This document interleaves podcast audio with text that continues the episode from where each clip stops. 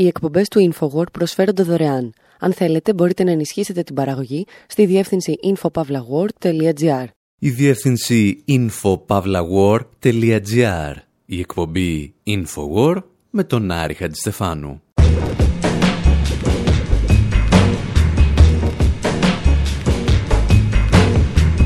Όπου σήμερα αντίνουμε μουσικά την ταινία «Η δίκη των επτά του Σικάγου», υποστηρίζοντας ότι καλό είναι να γυρίζονται τέτοιες ταινίες, αλλά καλό είναι να γυρίζονται και καλύτερα. Ακούμε την μουσική ιστορία της δίκης από καλλιτέχνες της country που δεν ξέρουν που πέφτει το Σικάγο και από μαύρους καλλιτέχνες της blues που δεν καταλάβαιναν τι ήθελε τόσος κόσμος στο Σικάγο του 68. Συζητάμε δηλαδή για μία από τις πιο σκοτεινές στιγμές της Αμερικανικής αστυνομίας και της Αμερικανικής δικαιοσύνης στον 20ο αιώνα. Για να μην ξεχνάμε ότι ακόμη και όταν κερδίζουμε μερικές δίκες, η αστική δικαιοσύνη είναι συνήθως απέναντί μας. Και ύστερα θυμόμαστε ιστορίες για ένα από τα κεντρικά πρόσωπα της δίκης των 7 του Σικάγου, οι οποίοι ήταν 8, του Άμπι Χόφμαν.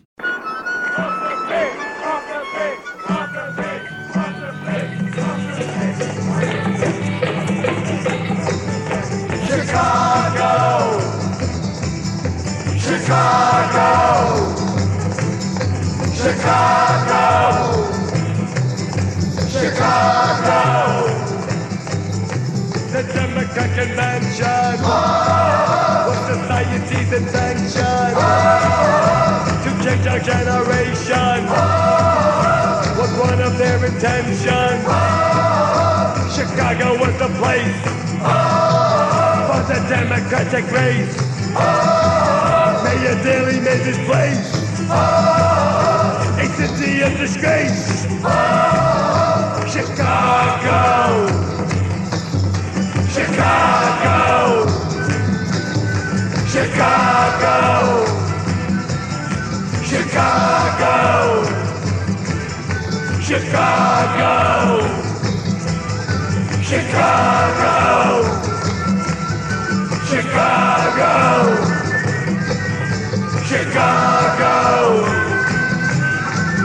Investing Jerry Rubin. Invested Abby Hoffman. Oh. Invested David Dillinger. Invested Benny Davis. Oh. Invested Lee Weiner. Oh. Invested John Furness. Invested Tom Hayden. Oh. Invested Bobby Taylor. Oh. I can drive a thing you and me? Oh, the show us we're not free. Oh, in this society. Oh, Chicago. Chicago. Chicago. Chicago. You've got to get, go. Ο David Peel μας εξηγεί τις πολύ βασικές λεπτομέρειες που πρέπει να γνωρίζουμε για τη δίκη των 7 του Σικάγου. Ότι το 1968 διεξαγόταν εκεί το συνέδριο του Δημοκρατικού Κόμματος. Ότι ο Δήμαρχος μετέτρεψε την πόλη σε πεδίο μάχης. Ότι διέταξε την αστυνομία να επιτεθεί στους διαδηλωτές, οι οποίοι είχαν συγκεντρωθεί από κάθε γωνιά των Ηνωμένων Πολιτειών για να διαδηλώσουν εναντίον του πολέμου του Βιετνάμ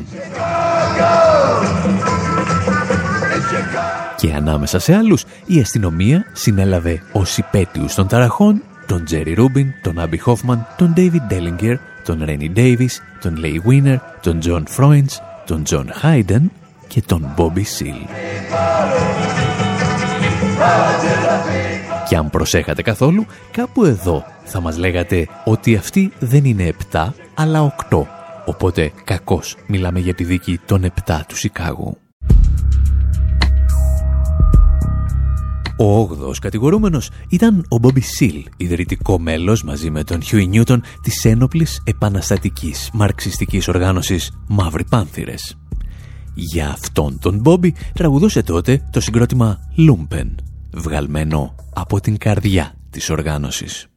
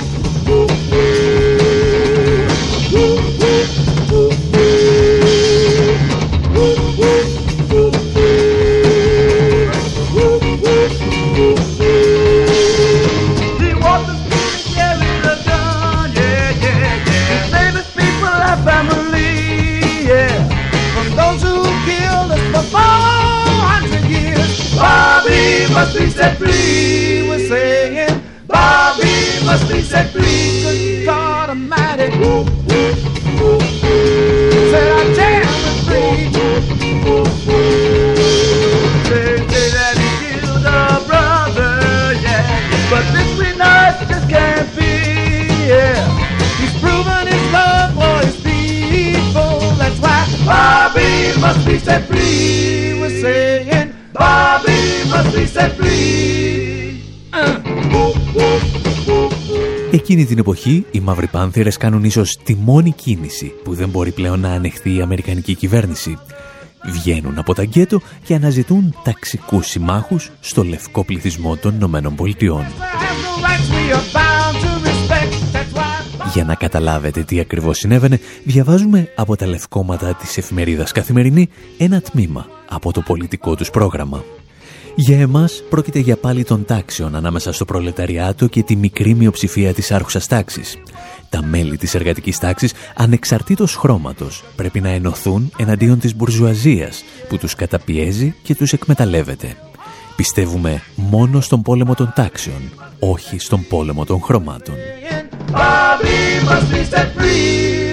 Παρεπιπτόντος, εάν αναρωτιέστε τι δουλειά έχει ένα τέτοιο απόσπασμα σε ένα αφιέρωμα της εφημερίδας Καθημερινή, η απάντηση είναι ότι την επιμέλεια των λευκομάτων είχε ο Γιώργος Δελαστίκ.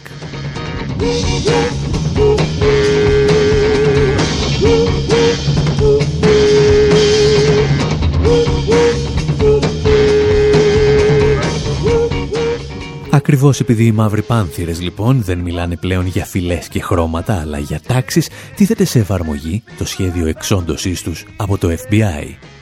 Και ενώ βρίσκεται σε εξέλιξη η δίκη των 7 που ακόμη τότε ήταν 8, η αστυνομία εκτελεί εμψυχρό το ηγετικό μέλος της ομάδας Fred Hampton. In Chicago today, two Black Panthers were killed as police raided a Panther stronghold. Δύο μαύροι πάνθερες σκοτώθηκαν όταν η αστυνομία εισέβαλε στη γιάφκα τους. Η αστυνομία έφτασε στις 4.45 το πρωί με ένταλμα έρευνας. Από την εισαγγελία της πολιτείας ανακοινώθηκε ότι ο Χάμπτον και ένας άλλος άνδρας σκοτώθηκαν στη 15 λεπτή ανταλλαγή πυρών που ακολούθησε.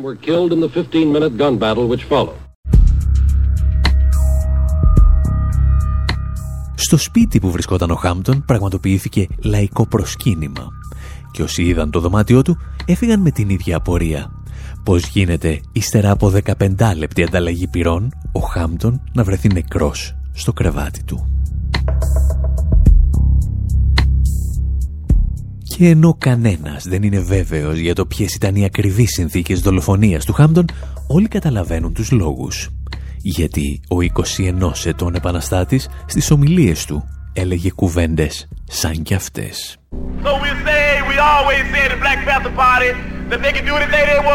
Σας λέω αυτό που λέμε πάντα στα γραφεία του κόμματός μας. Μπορούν να μας κάνουν ό,τι θέλουν. Μπορεί να μην επιστρέψουμε. Εγώ μπορεί να μην επιστρέψω. Να είμαι στη φυλακή ή οπουδήποτε αλλού. Αλλά όταν φύγω θα με θυμάστε με τις τελευταίες μου λέξεις. Είμαι ένας επαναστάτης a revolutionary.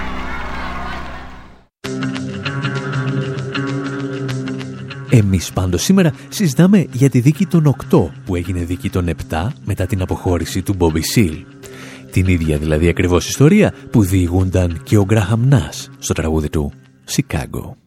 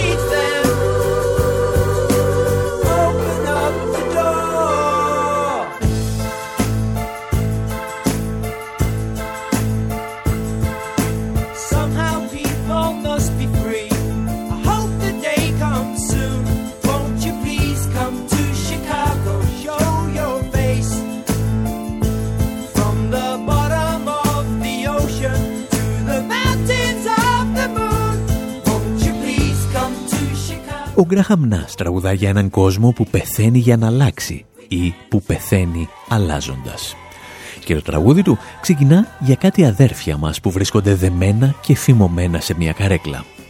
Τραγουδούσε για το μέλος της οργάνωσης Μαύρη Πάνθυρες, το οποίο ο πρόεδρος του δικαστηρίου διέταξε να έχουν για ημέρες με χειροπέδες και φημωμένο σαν άγριο ζώο.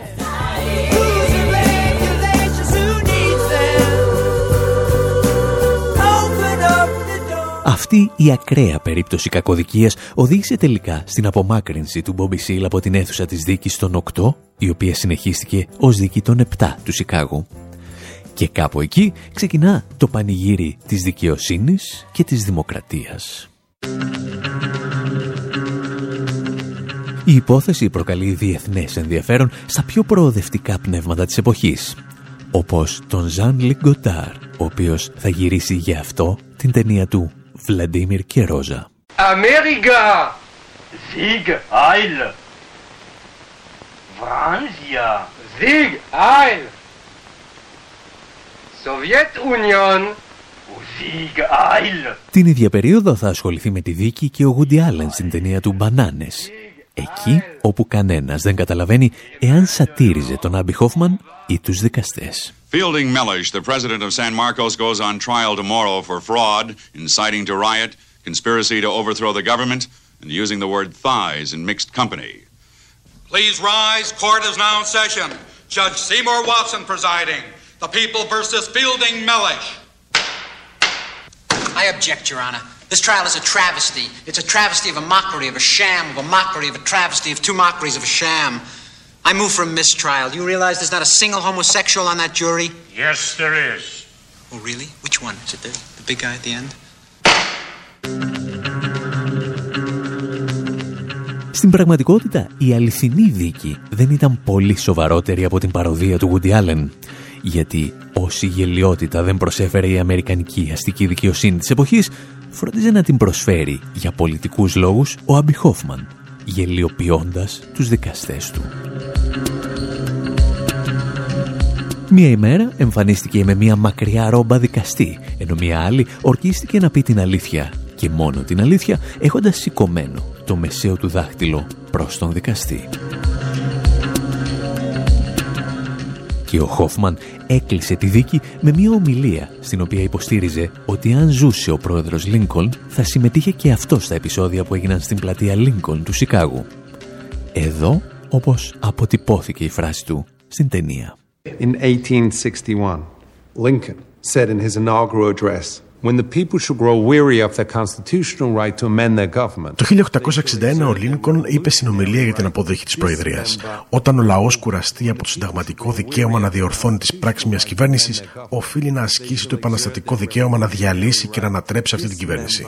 Αν ο Λίνκον έβγαζε αυτό το λόγο πέρυσι στο Λίνκον Πάρκ του Σικάγου, σήμερα θα δικαζόταν μαζί μας. That speech in Lincoln Park last summer, he'd be put on trial with the rest of us.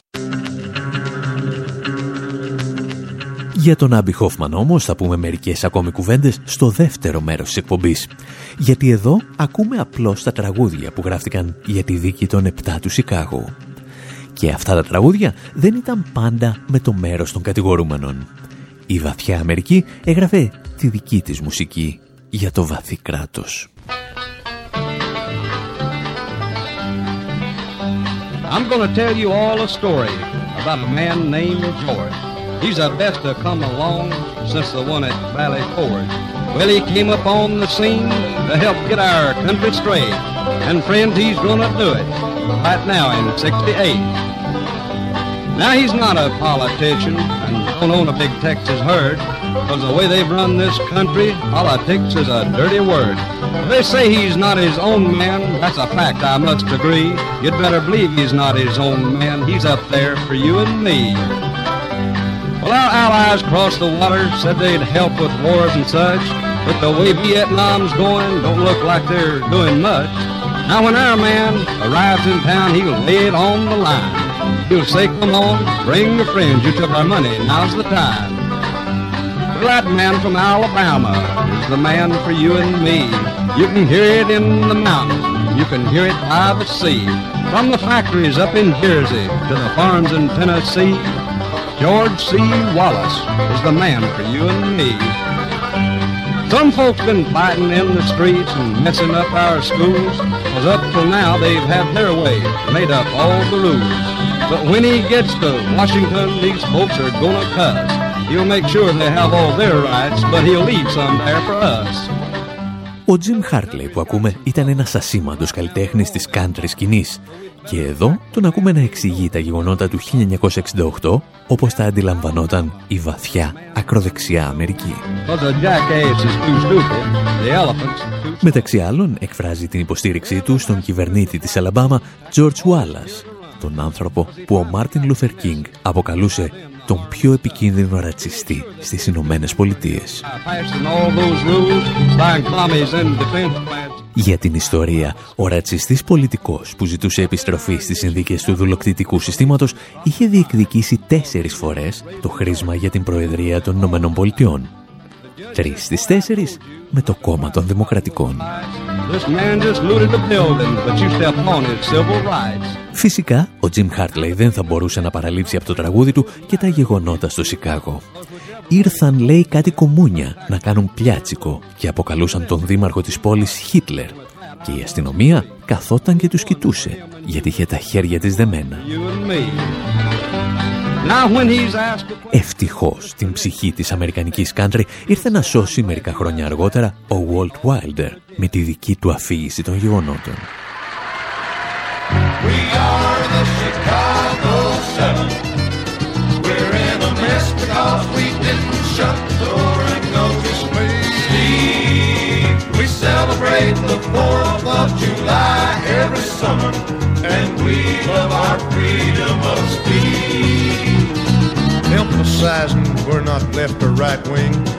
We're just Americans doing our thing. We don't want anyone to think we're violent. We're just one bit of minority, and we love the whole majority. We're Americans who didn't sit by silent. We know the Constitution says we're free to go where we please, speak out and stand up for what we believe. Our ideas to you might seem like a plot or a scheme, but America was built on our forefathers' dream. We are the Chicago Seven. Σε εντελώς διαφορετικό κλίμα, όπως μπορείτε να ακούσετε, ο Wilder επανατοποθετεί τα γεγονότα του Σικάγου το 1968 στην πραγματική τους βάση. Η αστυνομία, εξηγεί, ήταν αυτή που προκάλεσε τα επεισόδια και οι διαδηλωτές, οι οποίοι είχαν έρθει με ειρηνικούς σκοπούς, απλώς έκαναν χρήση του δικαιώματός τους να μην υποχωρήσουν απέναντι στην κρατική καταστολή. Then we just hung around till the sun went down, looking for a place to sleep. Στο πλευρό των διαδηλωτών, αλλά με ελαφρώς διαφορετική οπτική, βρέθηκε εκείνα τα χρόνια και ένας πολύ πιο σημαντικός καλλιτέχνης της blues σκηνής, ο Memphis Slim. Τον ακούμε και επιστρέφουμε. Everybody's talking about Chicago 7 for in Ohio and that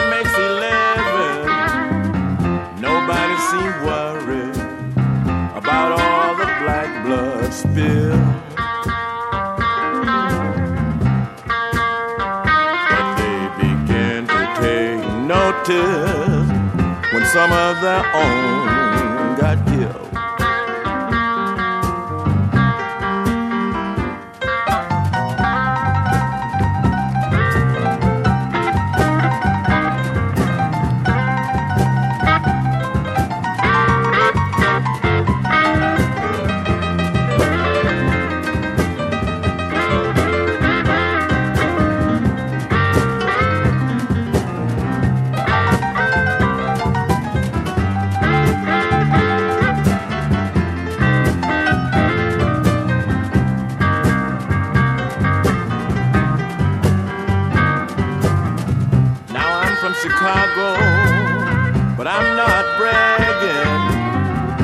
Just can't stand that police nagging because in Chicago there is one big grudge.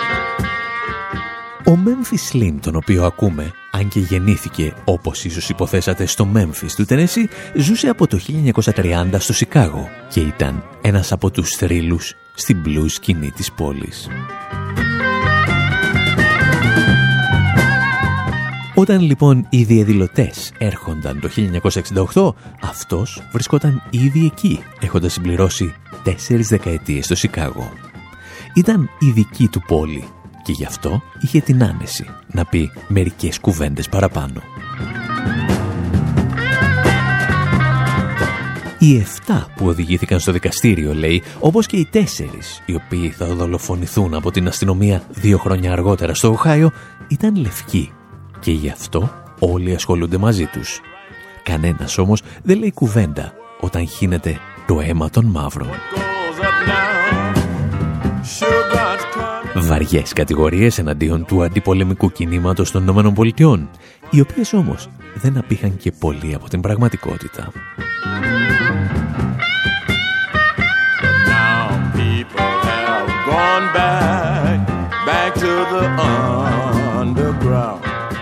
Εμείς πάντως που είπαμε και δύο κουβέντες για τους μαύρους πάνθυρες θα συνεχίσουμε με αυτές τις ιστορίες των λευκών. Στο δεύτερο μέρος της εκπομπής θυμούμαστε ιστορίες από την ταραχώδη ζωή του Άμπι Χόφμαν. Πριν το διάλειμμα όμως, να σας θυμίσουμε ότι εκατοντάδες ανάλογες ιστορίες θα βρείτε σε εκπομπές και κείμενα στη σελίδα μας info.pavlawar.gr Μια σελίδα την οποία θα ανανεώσουμε από τις αρχές της επόμενης εβδομάδας και θέλουμε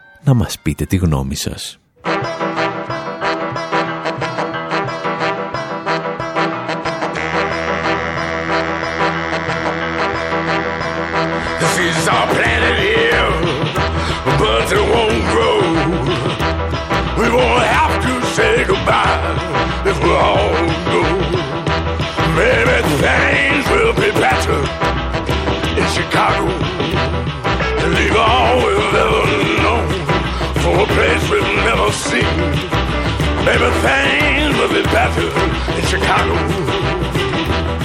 But it's brave for us to stay, even braver to go. Wherever she goes, I go. Maybe things will be better in Chicago.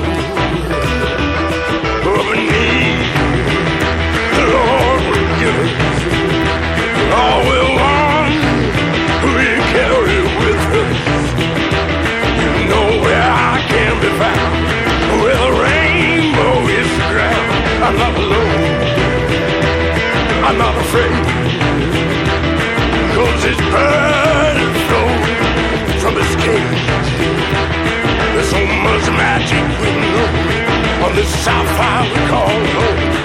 My gold and my hat, I say goodbye to all that. Things will be better in Chicago. Everything will be better.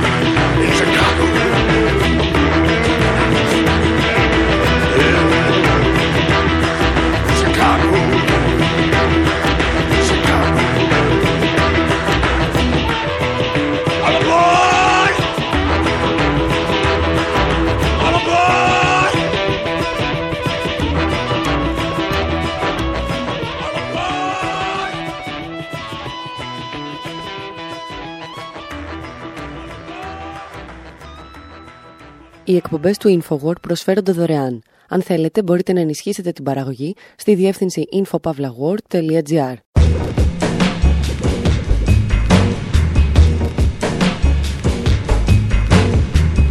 Η εκπομπή InfoWord με τον Άρη Χατζηστεφάνου όπου σήμερα συζητάμε για έναν άνθρωπο που θα γιόρταζε τα 80 του γενέθλια στις 30 Νοεμβρίου του 2016, αλλά προτίμησε να αυτοκτονήσει. Μάλλον. Διηγούμαστε την ιστορία ενός θρηλυκού παιδιού της δεκαετίας του 50 που δεν πρόλαβε τους beatniks, σνόμπαρε τους χίπης για να γίνει γήπης, αλλά στην κηδεία του ήρθαν μόνο κάτι γιάπης. Αναρωτιόμαστε τι θα συμβεί αν πετάξει σε μια αίθουσα χρηματιστηρίου μερικά χαρτονομίσματα του ενός δολαρίου. Αν δηλαδή οι παρευρισκόμενοι θα αντιδράσουν σαν να πετάς καλαμπόκι σε περιστέρια ή λάσπη σε γουρούνια. Συζητάμε σήμερα για τον Άμπι Χόφμαν, ζητώντας γι' αυτό τη βοήθεια του Όλιβερ Στόουν, και του Woody Allen.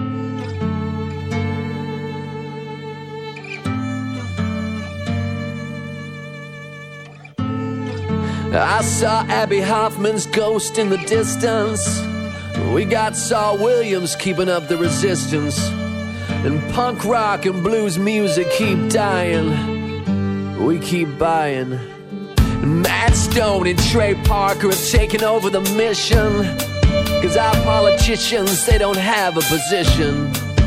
Who's to blame for this shallow existence? Our existence. We try but this wall's too high. Have we lost tonight? But one second chance could change everything. And I think I'll go write my senator a letter. But they just talk shit, they ain't gonna make nothing better. Me and them, we ain't two birds of a feather of a feather.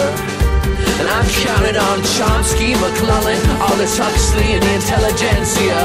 But Cat Stevens, he got out and he ain't missing ya. This overpriced and candy-coated life, does it fit ya? Does it fit ya? We try and fight, but this wall's too high. Have we lost chance could change everything. These are bloody faces we hold in the fire. Open up the gates. Now don't ask why. And these are bloody faces we hold in the fire. The fire, the fire, the fire. Ο Καναδός Ray Μέιντα ξεκινά ελαφρώς αποκαρδιωτικά το δεύτερο μέρος της εκπομπής μας θέτοντας το ερώτημα εάν ο τείχος που προσπαθούμε να περάσουμε είναι πολύ ψηλός για τα μέτρα μας. Προσπαθώντας να δώσει και ο ίδιος μια απάντηση αναφέρεται σε ανθρώπους που δεν τα έβαλαν ποτέ κάτω. Τραγουδά μεταξύ άλλων για τον Νόαμ Τσόμσκι και τον Άλντους Χάξλεϊ. Τραγουδά επίσης για την punk rock και τα blues που συνεχίζουν λέει να πεθαίνουν ενώ εμείς συνεχίζουμε να καταναλώνουμε. Το πρώτο όνομα που αναφέρει όμως είναι αυτό του Άμπι Χόφμαν. Αν δεν θυμάστε τι σας λέει το όνομα Άμπι Χόφμαν, έχουμε συζητήσει γι' αυτόν στο αφιέρωμά μας στην Wall Street. Ο Χόφμαν είχε γίνει γνωστός σε ολόκληρο τον πλανήτη το 1967, όταν είχε την φαϊνή ιδέα να επισκεφθεί το χρηματιστήριο της Νέας Υόρκης. Μας τα εξηγούσε παλαιότερα ο Βρετανός σκηνοθέτης Μάικλ Άντερσον.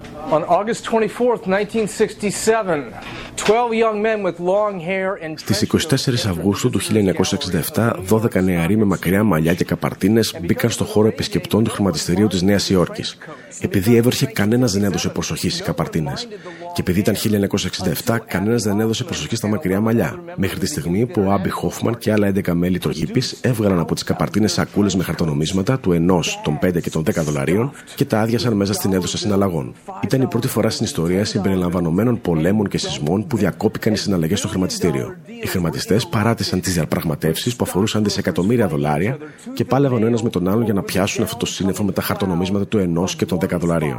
Και αυτή ήταν η τελευταία φορά που το χρηματιστήριο της Νέας Υόρκης επέτρεψε επισκέψεις απλών πολιτών.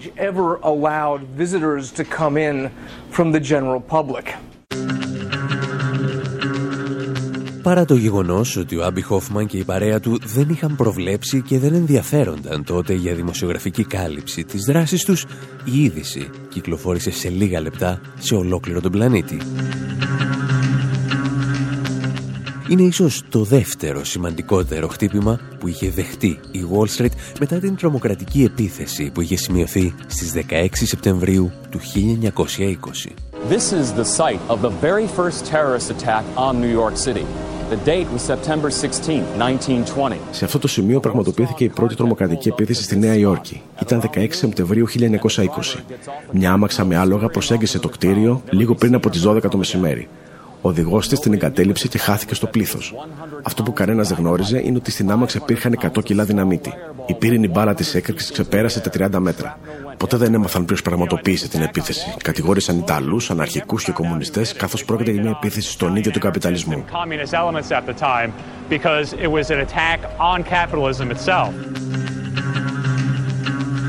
Αρκετοί υποστηρίζουν σήμερα ότι η συμβολική δράση του Άμπι Χόφμαν είχε εξίσου μεγάλο ή και μεγαλύτερο αντίκτυπο από την τρομοκρατική επίθεση του 1920, παρά το γεγονός ότι η τελευταία άφησε πίσω της περίπου 40 νεκρούς. Για αυτό το κακό παιδί της δεκαετίας του 60 και του 70 λοιπόν θα μιλήσουμε σε λίγο, όπως κάνουν εδώ και οι Καλτ.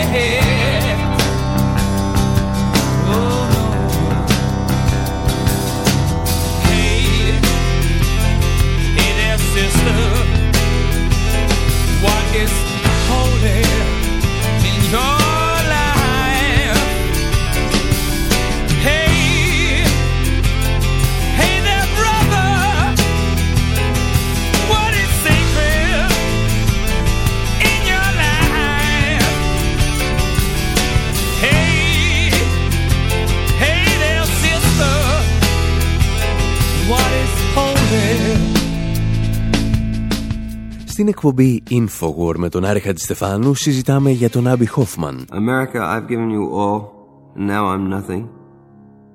America, $2.27, January 17th, 1956. I can't stand my own mind. America, when will we end the human war? Go fuck yourself with your atom bomb. I don't feel good, don't bother me. Ο Χόφμαν γεννήθηκε το 1936 και μεγάλωσε σε εκείνες τις δεκαετίες που λέγεται ότι το κίνημα των beatniks είχε πεθάνει χωρίς το κίνημα των hippies να προλάβει να γεννηθεί. Και σε εκείνα τα χρόνια, ενώ υποθέτουμε ότι άκουγε και διάβαζε ανθρώπους σαν τον Άλαν Γκίνσπερκ που ακούμε εδώ, άρχισε να τα βάζει με κάθε μορφή εξουσίας – ξεκινώντας φυσικά από το σχολείο του. Όσοι συμμαθητές του ζουν ακόμη θα θυμούνται την ημέρα που παρέδωσε στον καθηγητή του μια εργασία στην οποία εξηγούσε ότι ο Θεός δεν μπορεί να υπάρχει γιατί αν υπήρχε ο κόσμος δεν θα βρισκόταν σε τέτοια κατάσταση δυστυχίας. Ο καθηγητής του τον αποκάλεσε κομμουνιστή και αλήτη και ο Αμπι του εξήγησε με μερικές μπουνιές ότι θα πρέπει να μιλάει καλύτερα στους μαθητές του. Η προσωπικότητά του πάντως θα διαμορφωθεί στο πανεπιστήμιο όταν γνωρίζει τον καθηγητή Χέρμπερτ Μαρκούζε και μαζί του τον μαρξισμό.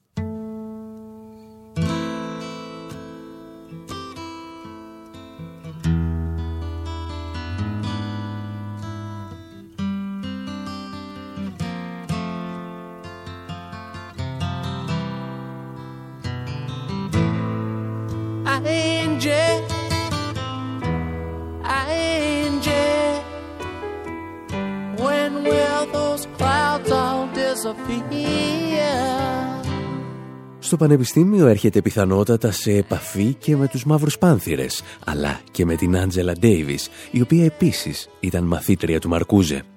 Την Άντζελα, για την οποία τραγουδούσαν οι Rolling Stones, το Angie.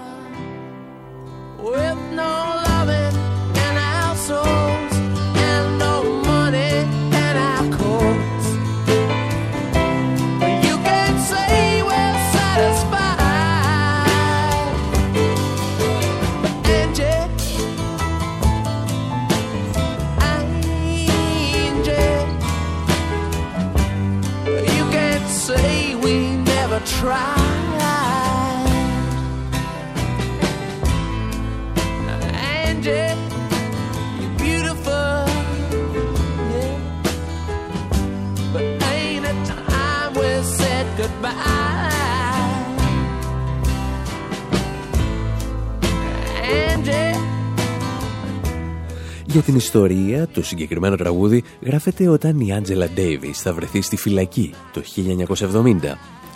Ο δικός μας ήρωας όμως μπαίνει στη στενή δύο χρόνια νωρίτερα. Τον κατηγορούν για συνωμοσία και πρόκληση ταραχών κατά τη διάρκεια της συνδιάσκεψης των Δημοκρατικών που πραγματοποιήθηκε το 1968 στο Σικάγο. Η στιγμή που όπως έχουμε πει κάνουν την εμφάνισή τους δυναμικά οι γήπης. Η λέξη γήπης προέρχεται από τα αρχικά International Youth Party, το Διεθνές Κόμμα Νεολαίας. Πρόκειται για το πλέον πολιτικοποιημένο τμήμα της γενιάς των χίπης, που είχε χαθεί κάπου ανάμεσα σε κάμπους με λουλούδια και παρεστησιογόνες ουσίες. Οι κινήσεις των γήπης θυμίζουν ίσως τη δράση των καταστασιακών στην Ευρώπη, πάντα όμως με μια αίσθηση του αμερικανικού γκροτέσκου. Στις εκλογές του 1968, λόγου χάρη, προωθούν ένα γουρούνι για πρόεδρο των Ηνωμένων Πολιτειών. Μια πρόταση που τελικά έγινε δεκτή σχεδόν μισό αιώνα αργότερα. Κυρίαρχη φυσιογνωμία και συνειδητής των γήπης σε εκείνη την εποχή ήταν φυσικά ο Άμπι Χόφμαν. Γεγονός που το αμερικανικό πολιτικό κατεστημένο δεν του συγχώρεσε ποτέ.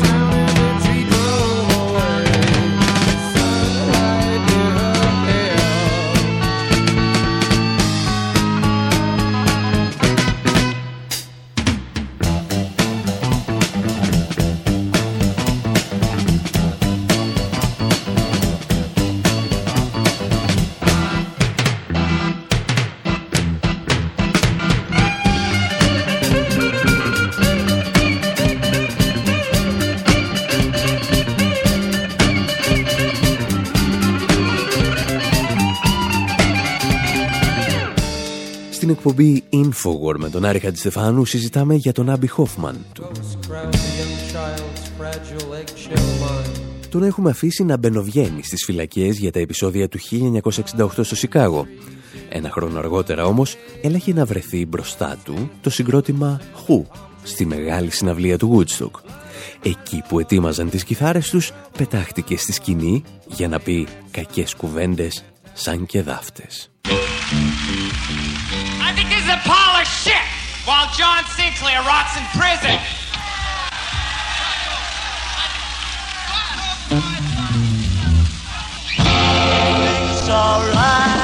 Αυτά που κάνετε εδώ τη στιγμή που ο Σίνκλερ σαπίζει στη φυλακή είναι ένας λόφος με σκατά, είπε στους συγκεντρωμένους ο Άμπι Χόφμαν, αναφερόμενος σε έναν από τους συντρόφους του που βρισκόταν ακόμη στην φυλακή.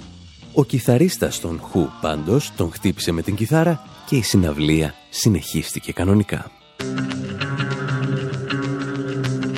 Και ο Άμπι Χόφμαν θα συνεχίσει να ενοχλεί σε όλη του τη ζωή.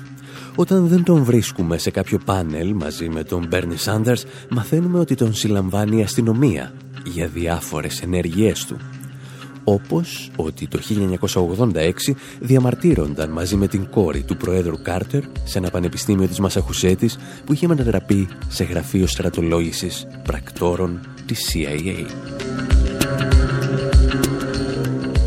Βέβαια, με όλη αυτή την προϊστορία, όταν ο Άμπι Χόφμαν αυτοκτόνησε το 1989, αρκετοί από τους οπαδούς του ήταν έτοιμοι να αποδώσουν το θάνατο στις μυστικές υπηρεσίες. And I don't feel so good myself. Abby Hoffman's dead.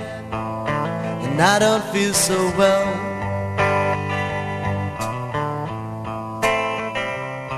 Ο Άμπι Χόφμαν, ό,τι και αν έχει να του προσάψει κανείς, έμεινε πιστός μέχρι την τελευταία ημέρα της ζωής του στις ιδέες του και στην πολιτική τρέλα των γήπης που κουβαλούσε μαζί του. Γεγονός το οποίο τον καθιστά μάλλον εξαίρεση για τη γενιά του.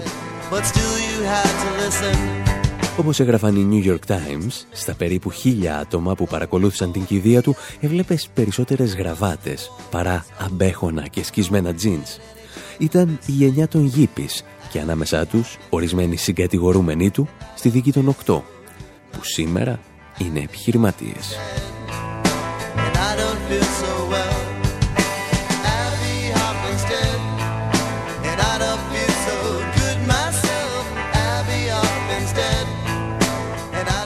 Κάπου εδώ πάντως λέμε να σας αφήσουμε για αυτή την εβδομάδα. Μας βρίσκεται πάντα στη διεύθυνση info.pavlawar.gr όπου συγκεντρώνουμε όλες μας τις εκπομπές, τα ντοκιμαντέρ και ό,τι γράφουμε κατά καιρούς αριστερά και δεξιά. Από τον Άρη Χατζηστεφάνου στο μικρόφωνο και τον Δημήτρη Σταθόπουλο στην τεχνική επιμέλεια, γεια σας και χαρά σας.